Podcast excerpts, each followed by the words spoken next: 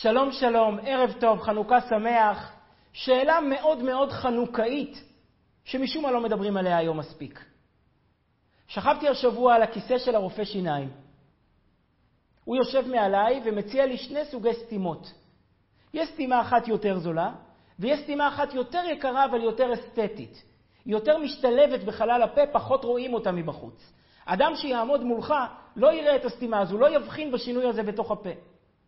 אני שוכב על הכיסא וחושב לעצמי, ריבונו של עולם. מדברים שני יהודים דתיים, שני יהודים יראי שמיים. הרופא הזה יהודי ירא שמיים, אני משתדל להיות ירא שמיים, ומדברים על אסתטיקה. לשלם יותר כסף כדי שחלל הפה ייראה יותר טוב. תאמרו לי, אסתטיקה זה חשוב? יהודי ירא שמיים שמפנה ליבו למעלה, צריך להשקיע יותר כסף? ברוך השם, אנחנו גברים. אני צריך להשקיע יותר כסף כדי להיראות יותר טוב?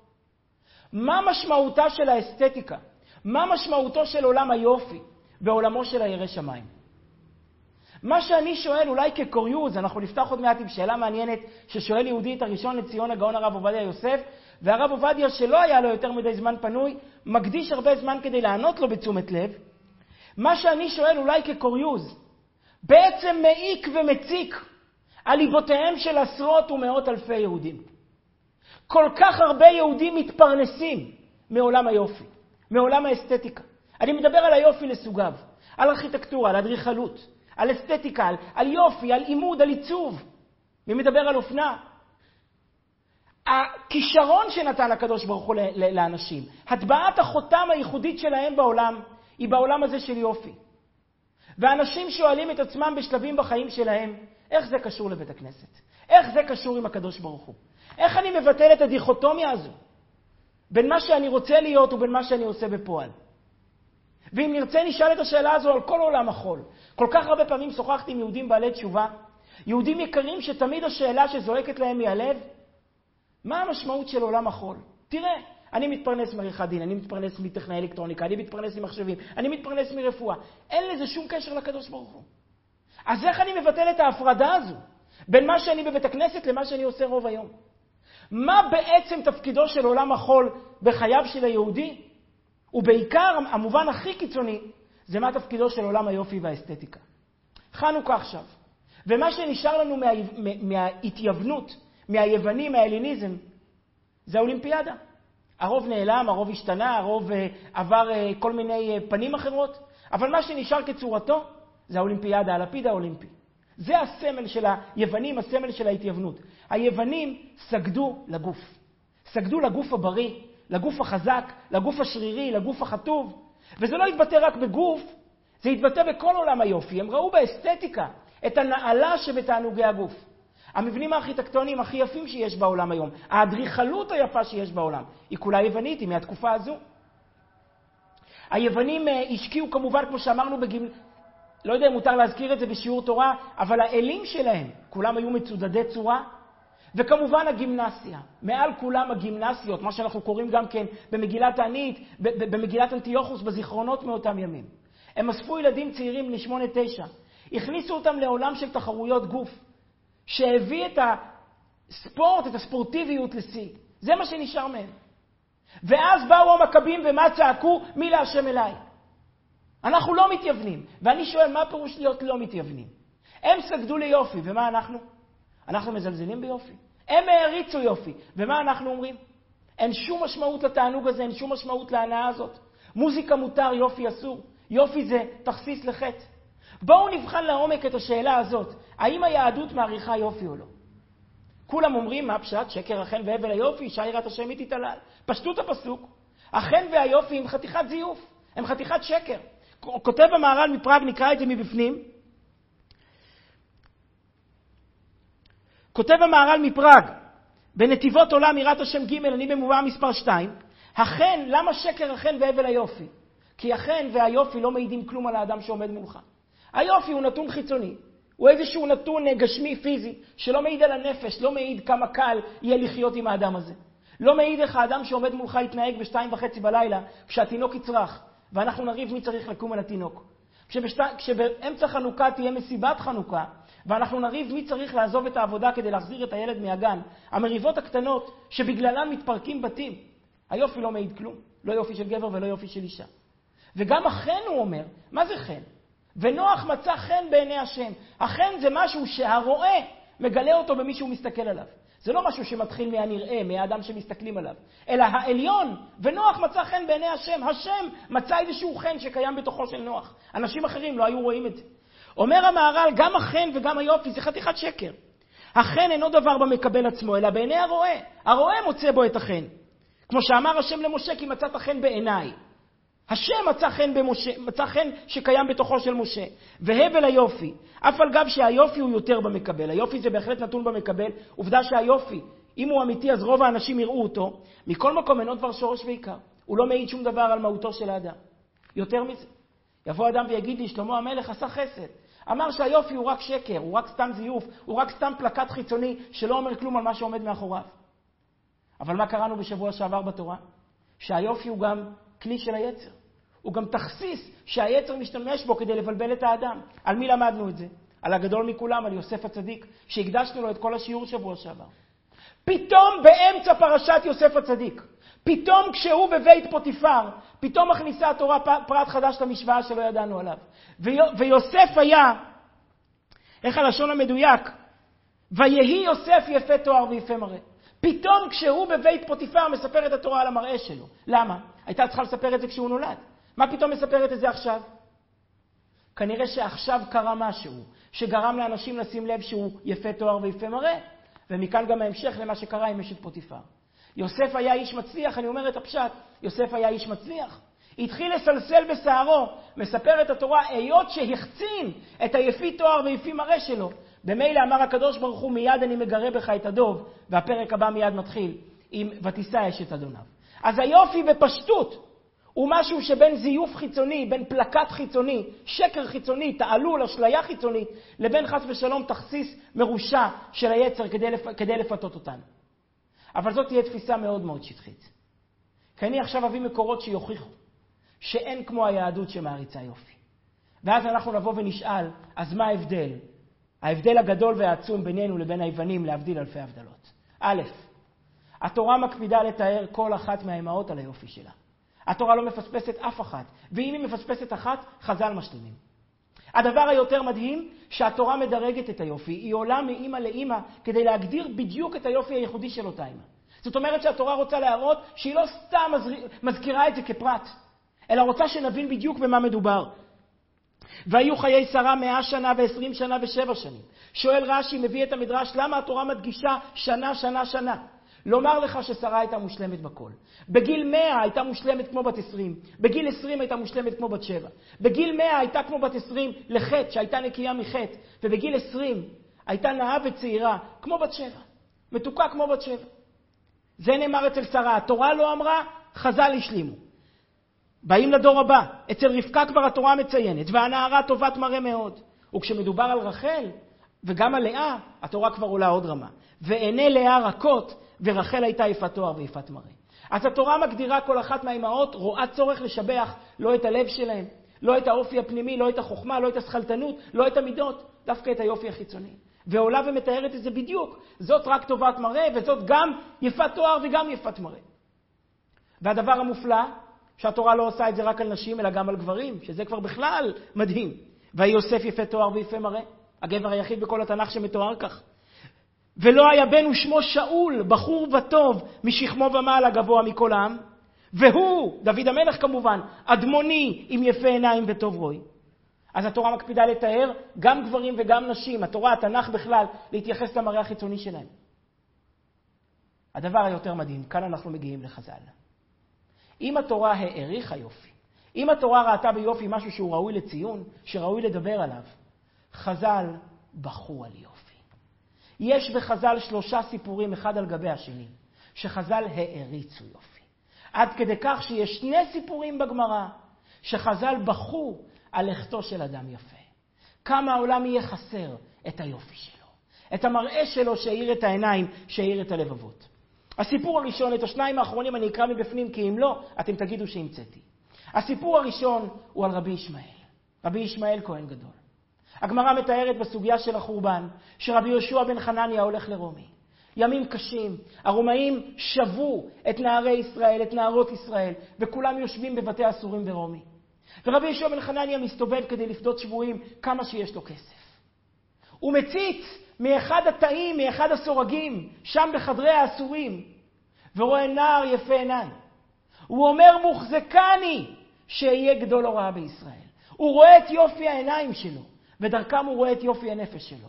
הוא אומר, היופי החיצוני מעיד על יופי פנימי. הוא שואל אותו, מנתן יעקב למשיסה וישראלי בוזזים, הוא מתחיל פסוק, ורבי ישמעאל ממשיך את הפסוק. הוא אומר, מוחזקני שגדול בישראל יהיה. אם כן, מה שמביא אותו להציל את הילד זה יופי העיניים שלו. אבל זה עוד סיפור סביר. מכאן אנחנו מתקדמים לשני סיפורים מדהימים. הסיפור הראשון הוא גמרא מסכת ברכות דף ה'. רבי אליעזר חלש. רבי אליעזר חולה את חוליו האחרון והולך למות. רב, רבי יוחנן, סליחה, רבי יוחנן, לא רבן יוחנן בן זכאי, רבי יוחנן האמורה, מרא דהרא דארץ ישראל, מחבר התלמוד ירושלמי, נכנס לבקר את רבי אליעזר שהולך למות. רבי יוחנן רואה אדם ששוכב, החלונות מוגפים, חושך בחדר, אבק. הוא נכנס קצת, רוצה לשמח אותו, להעיר לו את הלב. הוא פותח את החלונות, הוא פותח את הווילונות, הוא לוקח סמרטוט, הוא מנקה קצת, שתיכנס שמש. ומאירה השמש על הפנים של רבי יוחנן. רבי אליעזר פורץ בבכי. אומר לו רבי יוחנן, על מה אתה בוכה? אתה בטח עושה את חשבון הנפש שלך. אתה כבר שומע את מלאך המוות מרחף ברקע. אתה כבר רואה את עצמך עומד בפני בית דין של מעלה. אתה יודע שנגמרו המשחקים ונגמרו הזיופים. עכשיו תצטרך לתת חשבון. אז אתה בטח בוכה ששם יגלו שלא למדת מספיק תורה. שיכולת ללמוד יותר, לנצל יותר את הזמן. אומר רבי אליעזר, לא על זה אני בוכה. למה? סליחה, רבי יוחנן בעצמו אומר, אתה לא צריך לבכות. למה? כי שנינו. אחד המרבה ואחד הממעיט, ובלבד שיכוון ליבו לשמיים. עשית מה אתה יכול. אומר רבי אליעזר, רבי, לא על זה אני בוכה. אני לא חושב עכשיו על התורה. אם אתה לא חושב על התורה, בטח אתה חושב על הפרנסה. בטח אתה בוכה שלא חיתנת את הילדים בכבוד, שלא קנית להם דירות ברחביה, היית אברך כל חייך, ישבת ולמדת תורה במסירות נפש. חיתנת את הילדים בעוני, באולמי ויז'ניץ, חיתנת את הילדים במנה מינימלית, העיקר שתהיה שמחה. לא עשית לא פאר ולא יופי מנקר עיניים. אומר רבי יוחנן, גם על זה אתה לא צריך לבכות. שנינו, אין אדם זוכה לשני שולחנות. בחיים לא זוכים גם לתורה וגם, ולא לגדולה. העדפת את התורה. אומר רבי אליעזר, לא על זה אני בוכה. אני לא חושב על תורה ולא חושב על פרנסה. אז מה עוד נשאר? אומר רבי יוחנן, לא עלינו ולא על אף אחד, אני יודע על מה אתה בוכה. אתה בוכה על הילד שלא הכנסת לחופה. אתה בוכה על הילד שלך, לא עלינו ולא על אף אחד, שהלך לעולמו בדמי ימיו. ועכשיו כשאתה חושב על העלייה שלך למעלה, אתה חושב שילד אחד, לא זכית להשלים את התיקון שלו, לגדל אותו לתורה, לחופה או למעשים טובים. אומר רבי יוחנן, אל תבכה, ומוציא השם מרחם את העצם של בנו העשירי, ואומר, זה העצם של בנו העשירי.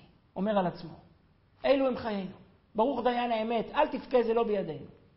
אומר רבי אליעזר, לא על זה אני בוכה. הוא לא בוכה על תורה, הוא לא בוכה על פרנסה, הוא לא בוכה על הילד שהלך מן העולם, אז מה עוד נשאר? לא בנה, לא חיה, לא מזונה, מה עוד יש בעולם הזה? אומר רבי אליעזר, על היופי שלך שיבלה באפר אני בוכה.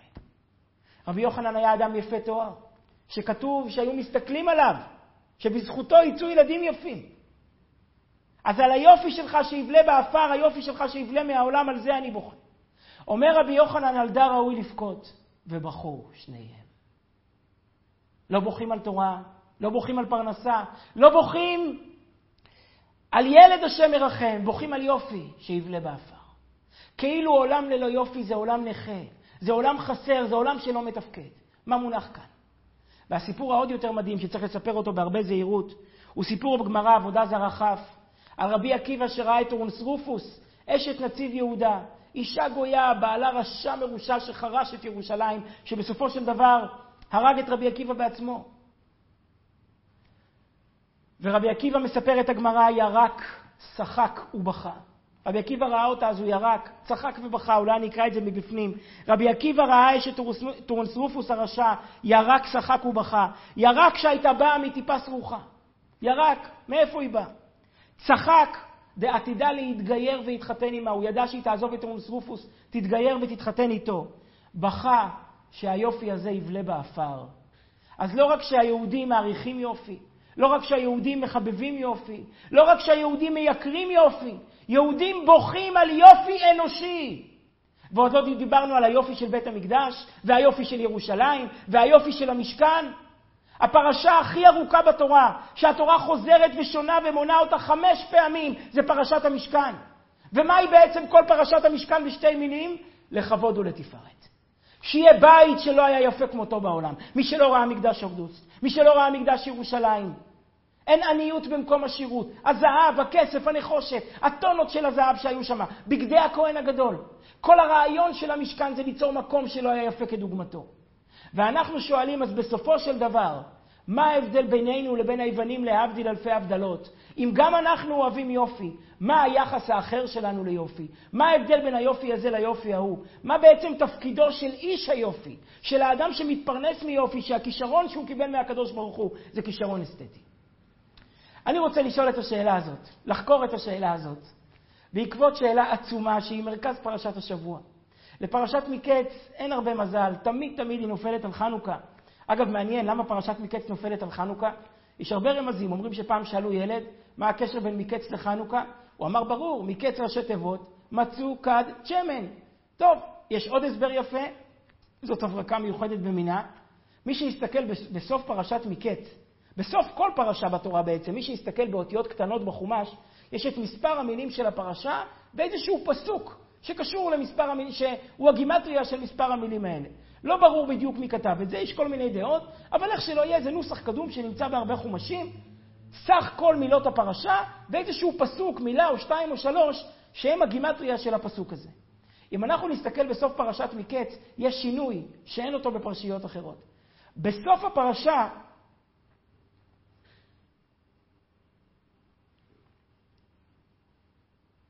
בסוף הפרשה כתב מי שכתב גם את מספר אותיות הפרשה. לא רק מספר מילות הפרשה, אלא גם מספר אותיות הפרשה. והוא כותב מספר אותיות הפרשה 2025. למה? מה היה לו כל כך חשוב לציין גם את מספר אותיות הפרשה 2025, ולמה דווקא בפרשת מקץ? אומרים שהוא רצה לרמוז לקשר בין מקץ לחנוכה. 2025 זה מספר מאוד חנוכאי. המילה נר היא בגימטריה 250. שמונה נרות זה 2,000. מתי מתחילים להדליק, חנוק, להדליק את, ה, את הנרות? בכ"ה בחודש. אז 2025 זה שמונה, שמונה פעמים נר, שמונה נרות, שמתחילים להדליק אותו ב-25 בחודש. אז הוא רצה לרמוז שמספר האותיות בפרשת מקץ, הן כולן, פרשת מקץ כולה, היא רמז, היא הגימטריה של חנוכה, היא בדיוק משתווה למספר 2025. איך שלא יהיה, פרשת מקץ שנקראת תמיד בחנוכה, יושבת כולה על שאלה אחת עצומה. מסוג השאלות שכשאתה חושב עליה, אתה שומע אותה, אתה אומר, איך לא חשבתי עליה לבד? כל כך הרבה מפרשים לאורך הדורות ניסו להבין אותה, בלי להבין אותה, אי אפשר להתחיל לדבר על הפרשה. הפרשה הזאת מספרת שמה? שיוסף התחבא מאחיו ומותח אותם ומוליך אותם ומחזיר אותם, עד שבפרשה הבאה, פרשת ויגש, הוא יתגלה אליהם ויאמר, אני יוסף העוד אבי חי. והשאלה העצומה שכל אחד אמור לשאול את עצמו, איך הם לא הכירו את יוסף? התורה אומרת משפט סתום, והם לא הכירו, ויכר יוסף את אחיו. הוא הכיר אותם, אבל הם לא הכירו אותו.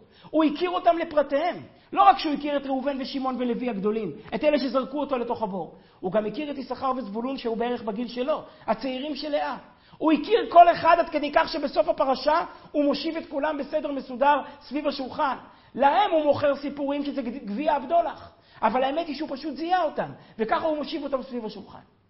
ואתה שואל את השאלה הפשוטה, על מה זה יושב בכלל כל הסיפור הזה? איך ייתכן שעשרה או אחד עשר אחים ביחד עם בנימין פוגשים אח שלהם ולא מכירים אותו?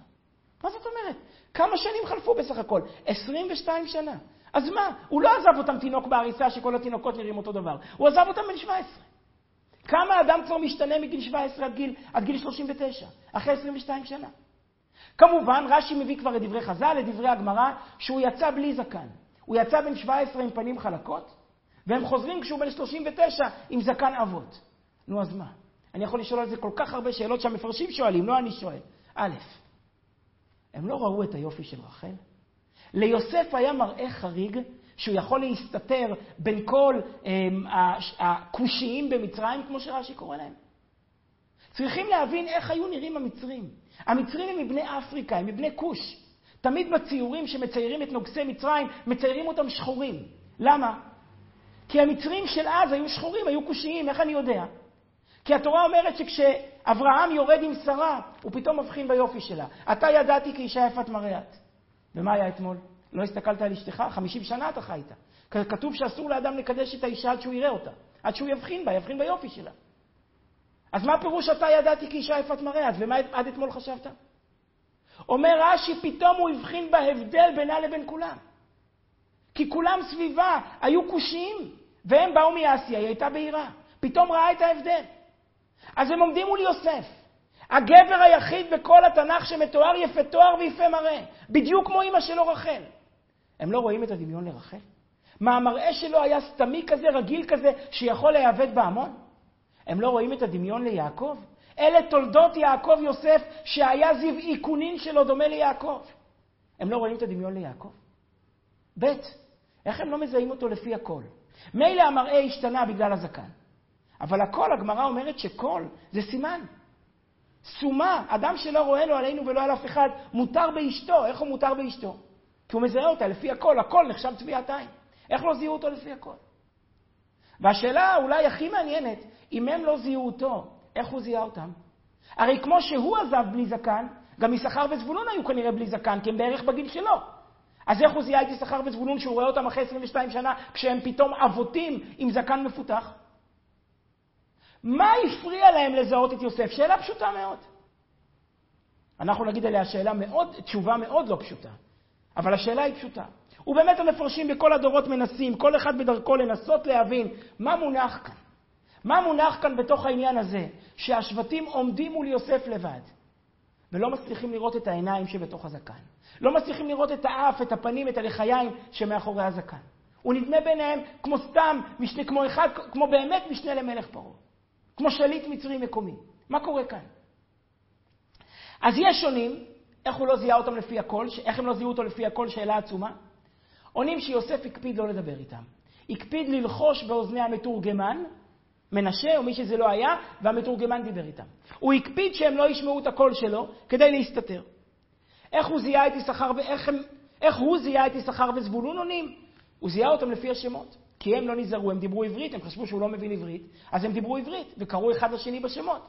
או שהוא פשוט עשה חשבון, כי את הגדולים הוא הכיר. אז מי שנשאר, השניים, שלושה האחרונים, הוא השלים לפי השמות. ומעל ומעבר, אומר הרמב"ן, בואו נקרא רש"י שיצא, מובא מספר שלוש, רש"י שיצא מאצלם בלא חתימת זקן ועכשיו בא בחתימת זקן. רשב"ם מן הכל לא היו מכירים אותו, כי על ידי מתורגמן היה מדבר עמהם. חזקוני היו קוראים זה את זה בשמם, ולכן זיהה את הצעירים. והרמב"ן אומר, מעל ומעבר צריכים לזכור, הם לא העלו בדעתם שזה הוא. גם אם היה להם איזה חשד שמדובר באדם זר, אז הם אמרו, בסדר, אולי פרעה ייבא מישהו, ייבא איזה יועץ מחוץ לארץ. אבל לעשות את החיבור הזה, שזה אח שלהם. אח שלהם היה בעיניהם מציאות שלא קיימת. היה עבד נקלה שעם הרגל הם דחפו אותו לתוך הבור. היה עבד נקלה שמכרו אותו בעבור זוג נעליים. בעיניהם הוא היה שפל שבשפלים, הוא היה כלום מהלך. עשרים שנה הם לא מדברים עליו, הם מחקו אותו מהזיכרון. אז מכאן ועד לחשוב שהאדם זר שהם פוגשים זה אח שלהם, מבחינה פסיכולוגית. הוא לא היה קיים ביניהם, ביניהם הוא נתפס כמו אדם כלום, כמו יצר של נקמה שהם לקמו בו וגמרו איתו. במילא אומר הרמב"ן, מעל ומעבר צריכים לזכור, שגם אם היו להם חשדות, אבל מכאן ועד להגיע לאח שלהם, שלא נתנו ליבם שיהיה העבד אשר מכרו לישמעאלים, הוא השליט על הארץ. אבל אני רוצה לומר רעיון חסידי. רעיון ששווה לא מיליון דולר, את כל הכסף בעולם שעושים יהודים שעובדים במקצועות חופשיים. בואו ניכנס לעומקו של עניין, לעומקה של המחלוקת בין יוסף ואחיו, לעומקה החסידי, לעומקה הרוחני, לעומקה הפנימי של השנאה, כמה קשה לומר את המילה הזאת, עליה קראנו בשבוע שעבר, השנאה בין יוסף ולאחיו, ונבין למה לא הכירו, ונבין מה תפקידו של האדם שעובד במקצוע חופשי, ממוזיקה עד יופי, מעריכת דין עד אלקטרוניקה, בכל מקצוע שבעולם. בינם לבין יוסף חצץ מחסום רוחני, מחסום נפשי, מחסום פנימי. הם לא העלו בדעתם שאח שלהם יכול להיראות כמו שנראה יוסף הצדיק. כי יוסף היה היהודי הראשון בעולם שניהל מדינה. יוסף היה היהודי הראשון בעולם שקם בבוקר חשב על כסף, בצהריים חשב על כסף, בלילה חשב על כסף. יהודי שהיה רדוף בלנהל את העולם, בלנהל את המעצמה שהייתה אז, גם רוסיה, גם ארצות הברית וגם סין יחד. להציל את העולם כולו מהרעב. הוא היה עסוק בחומר ובלבנים מבוקר עד ערב. הם לא העלו בדעתם שזה אח שלהם. כי יהודי, לשיטתם, לא יכול להיראות ככה. וכאן אנחנו נכנסים לעומקה הרוחני של המחלוקת בין יוסף ואחיו. איזו שנאה גדולה במשפחה. על מה יכולה להיות שנאה כזאת? שאבא תפר לו כתונת פסים, שיתפור, נו, אז תלכו לעבודה שלכם ותשכחו מזה. שהוא חלם חלומות, תסלחו לי משיגנר, שיחלום, מה אכפת לכם ממנו? ילד בן 17 חולם חלומות, אתם הולכים לזרוק אותו לבור. על מה הם הלכו באלימות כל כך גדולה נגדו? יש כלל שאומר שאלימות פורצת כשהורגים את הקיום שלי. אדם מגיב באלימות כשהוא מרגיש שאין לו מקום. השבטים הלכו על אלימות כדי להגיד שהם קיימים, כדי להצדיק את השיטה שלהם. בינם לבין יוסף הייתה מחלוקת פעורה, איך צריך להיראות יהודי. בואו נשים לב לדבר נפלא, פלא פלאות. האחים, סליחה, השבטים, האחים וככה האבות, הם רועי צאן. מה עושה רועי צאן? למה האבות מתפרנסים מביצון ועבודה רבה? תמיד האבות מתפרנסים מראיית צאן, והשבטים ממשיכים בדרכם, הם רועי צאן. מה עושה רועה צאן? רועה צאן כל הזמן קשור עם הקדוש ברוך הוא. הוא לרגע אחד לא מסיח דעתו מהקדושה. גם כשהוא מתפרנס, הוא נשאר בעולם של רוח. ראיית צאן זה המקצוע הגשמי הכי רוחני שיש. זה גן עדן של מטה. א', אתה שולט בזמנים. אתה מוציא את הצאן מתי שאתה תרצה. אתה יכול להוציא אותם ב-7 בבוקר, ב-8 בבוקר, ב-9 בבוקר. כשאתה יוצא איתם החוצה, אתה פנוי. איזה עבודה נפלאה. הצאן רואה, אוכל, והזמן שלך בידיים שלך. אתה יכול ללכת לשדה עם תהילים, עם חומש, עם טניה, עם מאמר חסידות, ולהסתכל על השמיים. הצאן זה מה שהיום הוא הדייג. אדם שמתפרנס, אבל מלאכתו בידי שמיים. הלב שלו פנוי, הראש שלו פנוי. מה שהשבטים עשו תמיד זה להיות בעולם עם הגבלה. להיות בעולם עם מרחק. אנחנו מתפרנסים, אבל הראש, האנרגיה, פנויה לקדוש ברוך הוא. יוסף הוא הראשון שמדבר על עבודת אדמה. על מה יוסף חולם? שכולנו מעלמים עלומים בשדה, כולנו אוספים תבואה בשדה, והנה קמה אלומתי וגם ניצבה, ותסובנה כל אלומות ותשתחוונה לאלומתי. תגידו לי, איך הגיעה עבודת אדמה לשם? אם הם רועי צאן, יוסף היה צריך לחלום שכל הכבשים משתחוות לכבשה שלו, לכבש שלו. ותראו כמה שהחלום של יוסף מקדים את זמנו. במה הוא הולך לעבוד במצרים? בלזרוע שדות ובלאגור תבואה. כדי להכין את החומש, להכין את התוכנית הגדולה, את תוכנית החיסכון הגדולה לשנות השובע, משנות הרעב לשנות השובע. יוסף מביא לעולם משמעות יהודי חדש, יהודי שהוא עובד אדמתו, יסבע לחם. עובד האדמה הוא אדם שהראש שלו לא פנוי לענייני קדושה. בשעת העבודה הוא צריך לקום בשעות קבועות, לפני שהשמש יוצאת. הוא צריך לעבוד בעונות קבועות, אם הוא אחר ביום-יומיים, אוי ויי. הוא מוטרף כל השנה שלא תפרוץ בצורת, שירד גשם, שלא יבואו רוחות, שלא יבואו חמסינים. אין לו חיים. אבל עובד האדמה מביא את הקדוש ברוך הוא גם למקום כזה. עובד האדמה מוכיח שבאמת אין עוד מלבדו. שאיך אומרת הגמרא? מאמין בחיי העולמים וזורע. עובד האדמה מוכיח שגם כשהוא חורש את האדמה וזורע את האדמה ומחכה לגשם, הוא יודע שהגשם יבוא מלמעלה. גם אם הוא עשה את הכל בידיים, להיות רועה צאן זה קל. אתה מלכתחילה המשאבים שלך פנויים לקדושה. עובד האדמה הוא אדם שנותן את כל כולו לאדמה. הוא רדוף, הוא מזיע, הוא תמיד עם הגב, עם, עם הגב כפוף כמו הסמל הנצחי של עובד האדמה. אבל מאמין בחיי העולמים וזורע. הוא מוכיח שאיפה שיש אדם, יש קדושה. איפה שיש חיים, יש אמונה. באמת, אין שום הבדל בין העולם הזה לעולם למעלה. כשהשבטים עומדים בפני יוסף, בפני אדם שמנהל אדמות, אבל מנהל את כל העבודה במצרים, הם, הם לא מכירים אותו. לא רק כי הם לא מזהים את הפנים שלו, אפילו אם היו מזהים את הפנים שלו. כי לא ייתכן שזה אח שלנו. אח שלנו שיקדיש את הראש שלו לעבודה, שיקדיש את המשאבים שלו, את... שיהיה רדוף מלפרנס את מצרים. מה זה שייך ליהודי? מה זה חלק מהעבודה של יהודי בעולם? רואה ישראל האזינה נוהג כצאן יוסף. יוסף מתחיל שליחות חדשה, שהיא בעצם רוב חייו של היהודי, בעצם רוב חייהם של עם ישראל עלי אדמות. יוסף מוכיח שיהודי בכל מקום הוא שליח. איפה שיש חיים, שם יש יהודים. יהודי מגיע לכל מקצוע, למקצוע של יופי ולמקצוע של אסתטיקה ולמקצוע של עבודת אדמה ולמקצוע של ראיית צאן, ורואים אותו, רואים את הקדוש ברוך הוא. יוסף הוא השליח של הקדוש ברוך הוא במרחב. הוא השליח של הקדוש ברוך הוא בעולם האמיתי, איפה שמתנהלים החיים.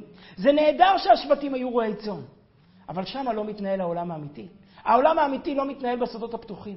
העולם האמיתי מתנהל במגדלים, במשרדים הממוזגים, בעולם של הקנייה ומכירה, בעולם של המתח והלחץ. שם מתנהל העולם. ויוסף מחבר שמיים וארץ ומביא את הקדושה אפילו למקום ההוא. הוא אומר שיהודי יכול להיות גם שם, וגם שם לעבוד את השם. נכון, הוא מתפרנס, הוא עובד קשה לפרנסתו, אבל מה הכוונה שלו בפרנסה? הוא אומר, ריבונו של עולם, זה הטביעת אצבע שנתת לי, זה הכישרון שנתת לי, זאת היכולת שנתת לי. אז אני אהיה שליח שלך פה.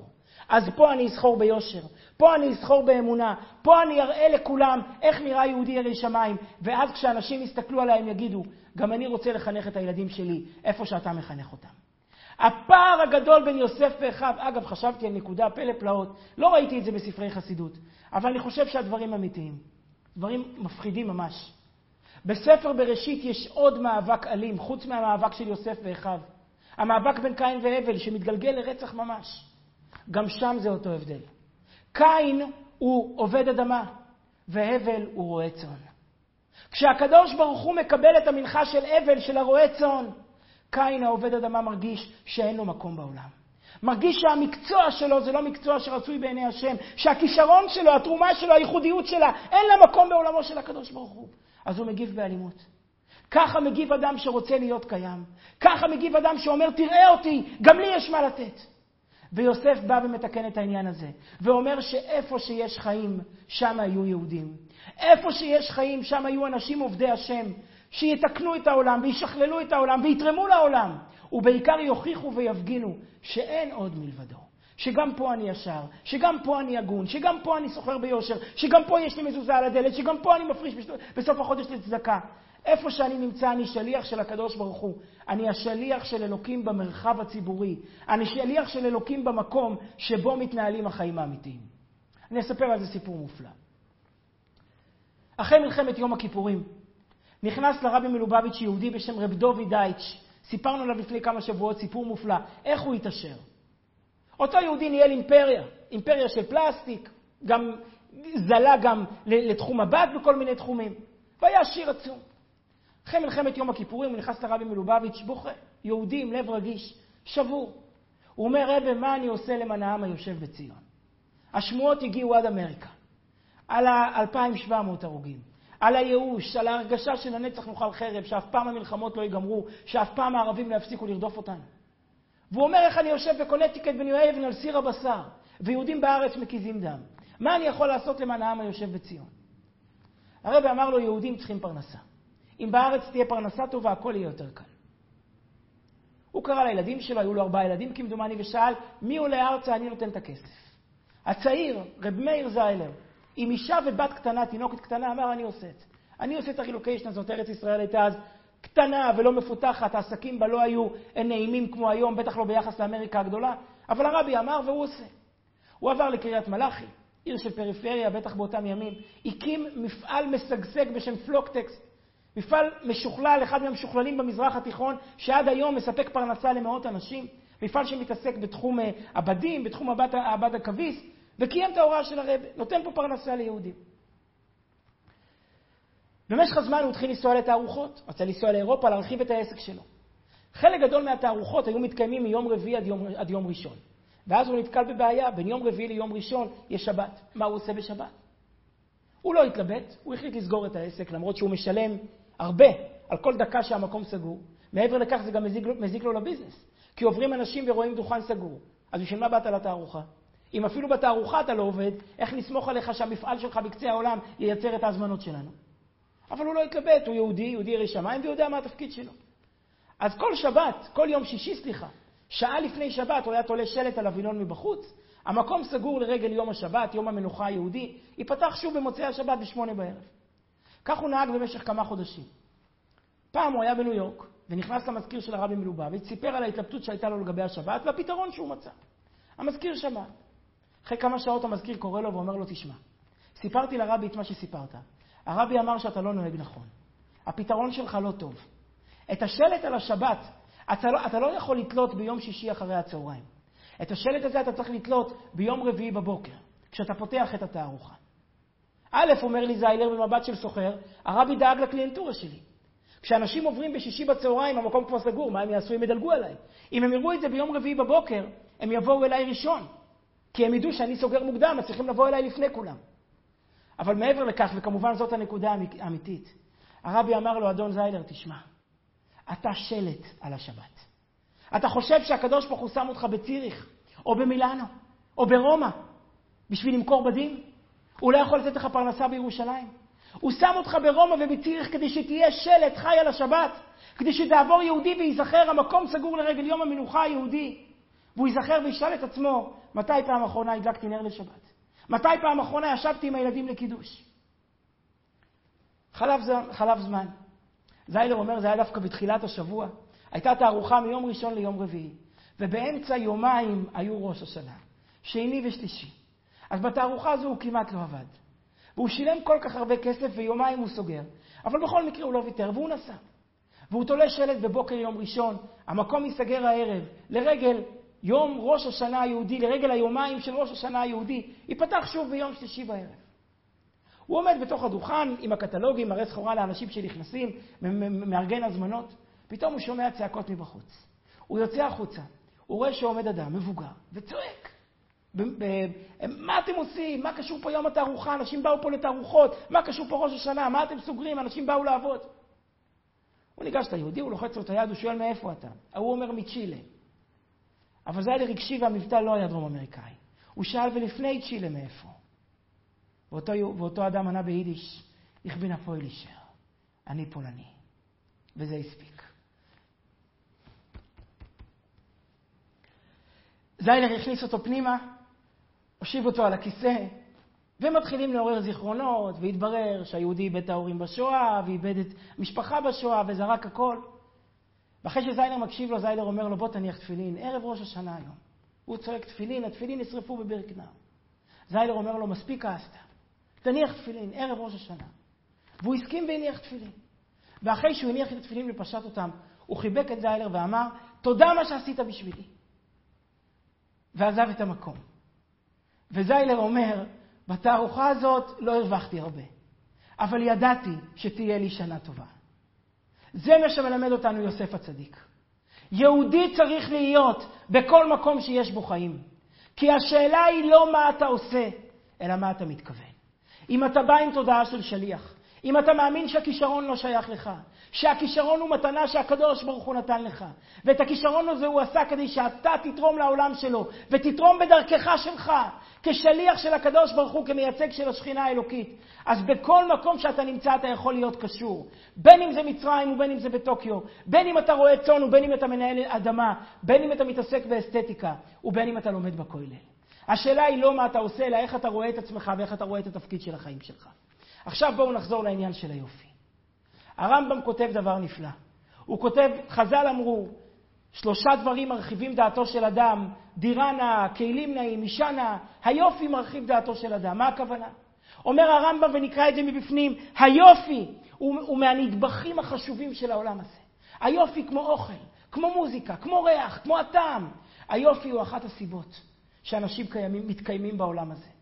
הרי אנחנו כולנו שחוקים, כולנו עייפים. לכולנו יש רגעים של מיאוס שנמאס לנו מהרדיפה הזו, מהמלחמה הפנימית, עם החומר והדם, עם הסביבה, עם עצמנו, עם כל מה שקורה מסביב. אין לנו כוח. מה מחזיק אותנו לחיים? מה מחזיר אותנו לחיים?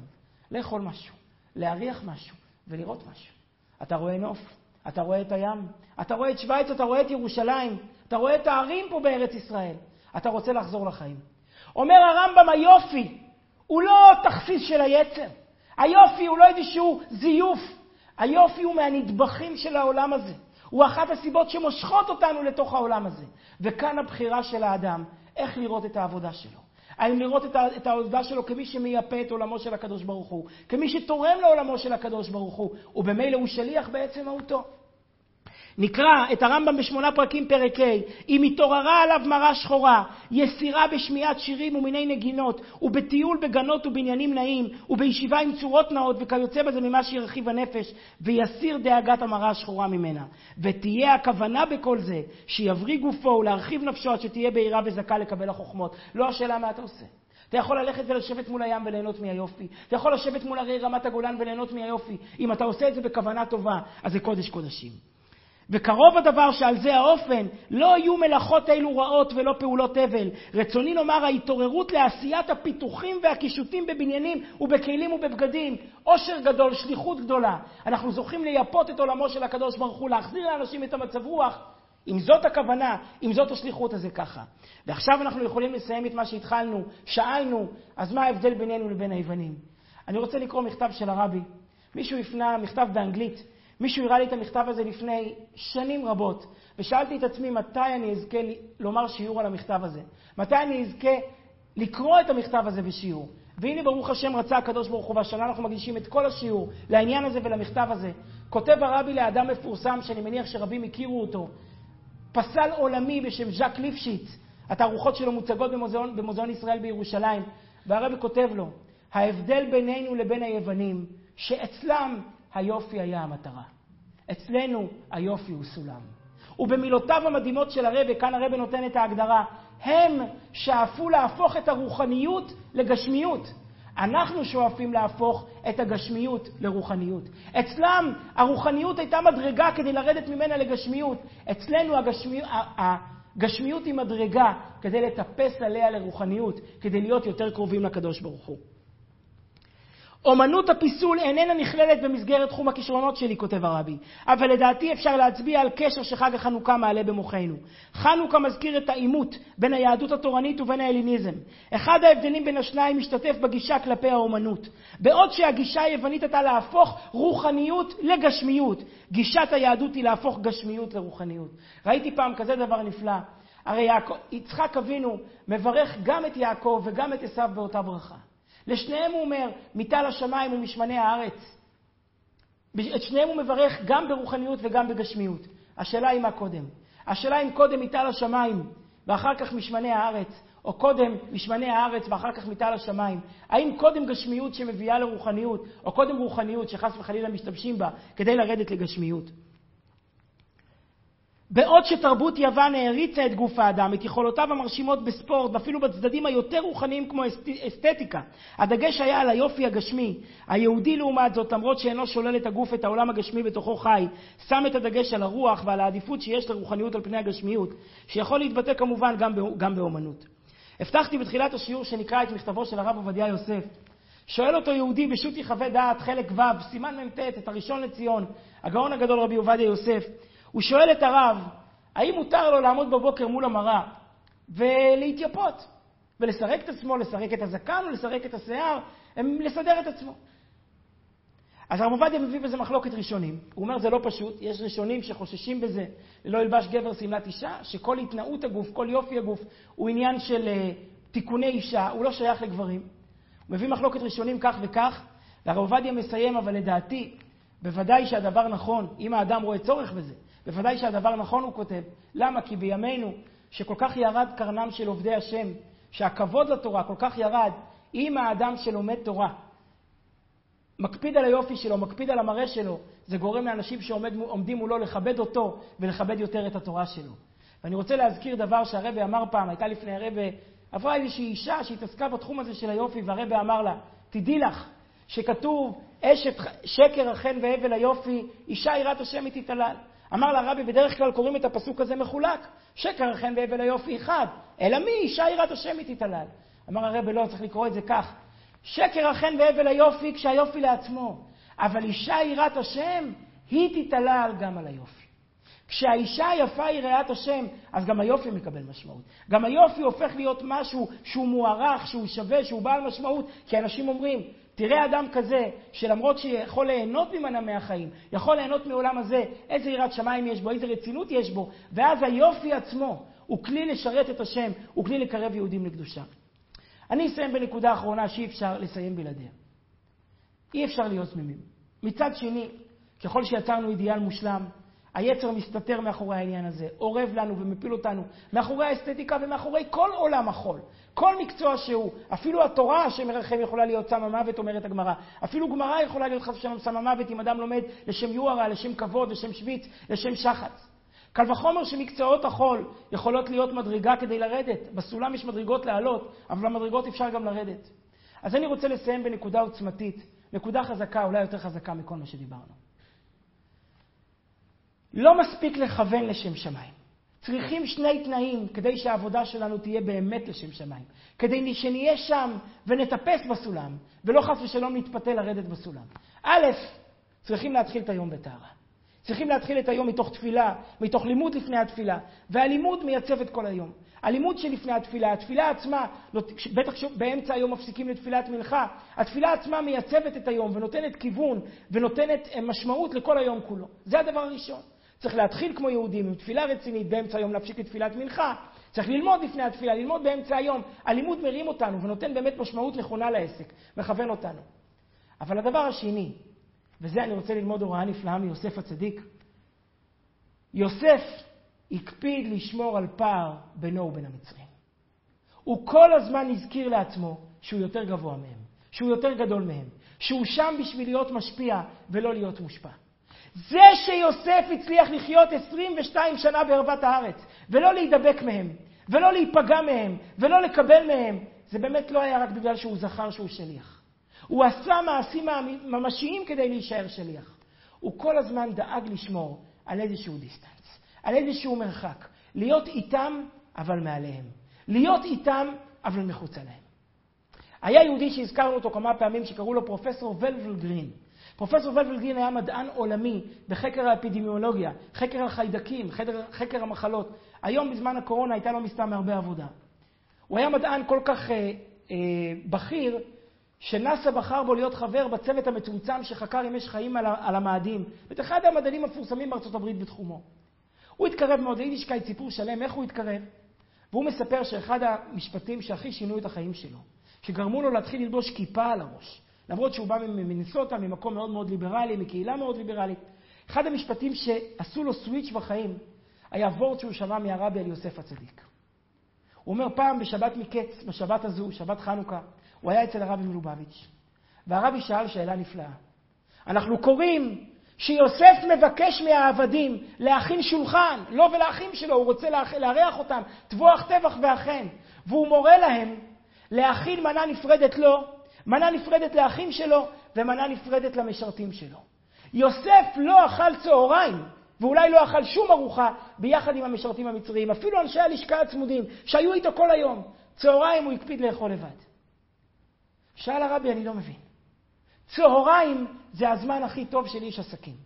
את זה הרבי לא אמר, את זה אני אומר. עולם המסעדות, עולם המסעדנות עומד על עסקי צהריים. עסקי צהריים זה הזמן הכי טוב לפתוח לבבות ולחתום חוזים. אנשים יושבים ביצת צהריים מהעסק, מהמקום הלחוץ, מהמקום, ה... מהמקום המרובע, יוצאים למסעדה פתוחה, יושבים רגל על רגל, אוכלים, שותים, הלבבות מתקרבים, המחסומים נופלים וחותמים עסקאות. יוסף הוא שר האוצר של המדינה החזקה בעולם.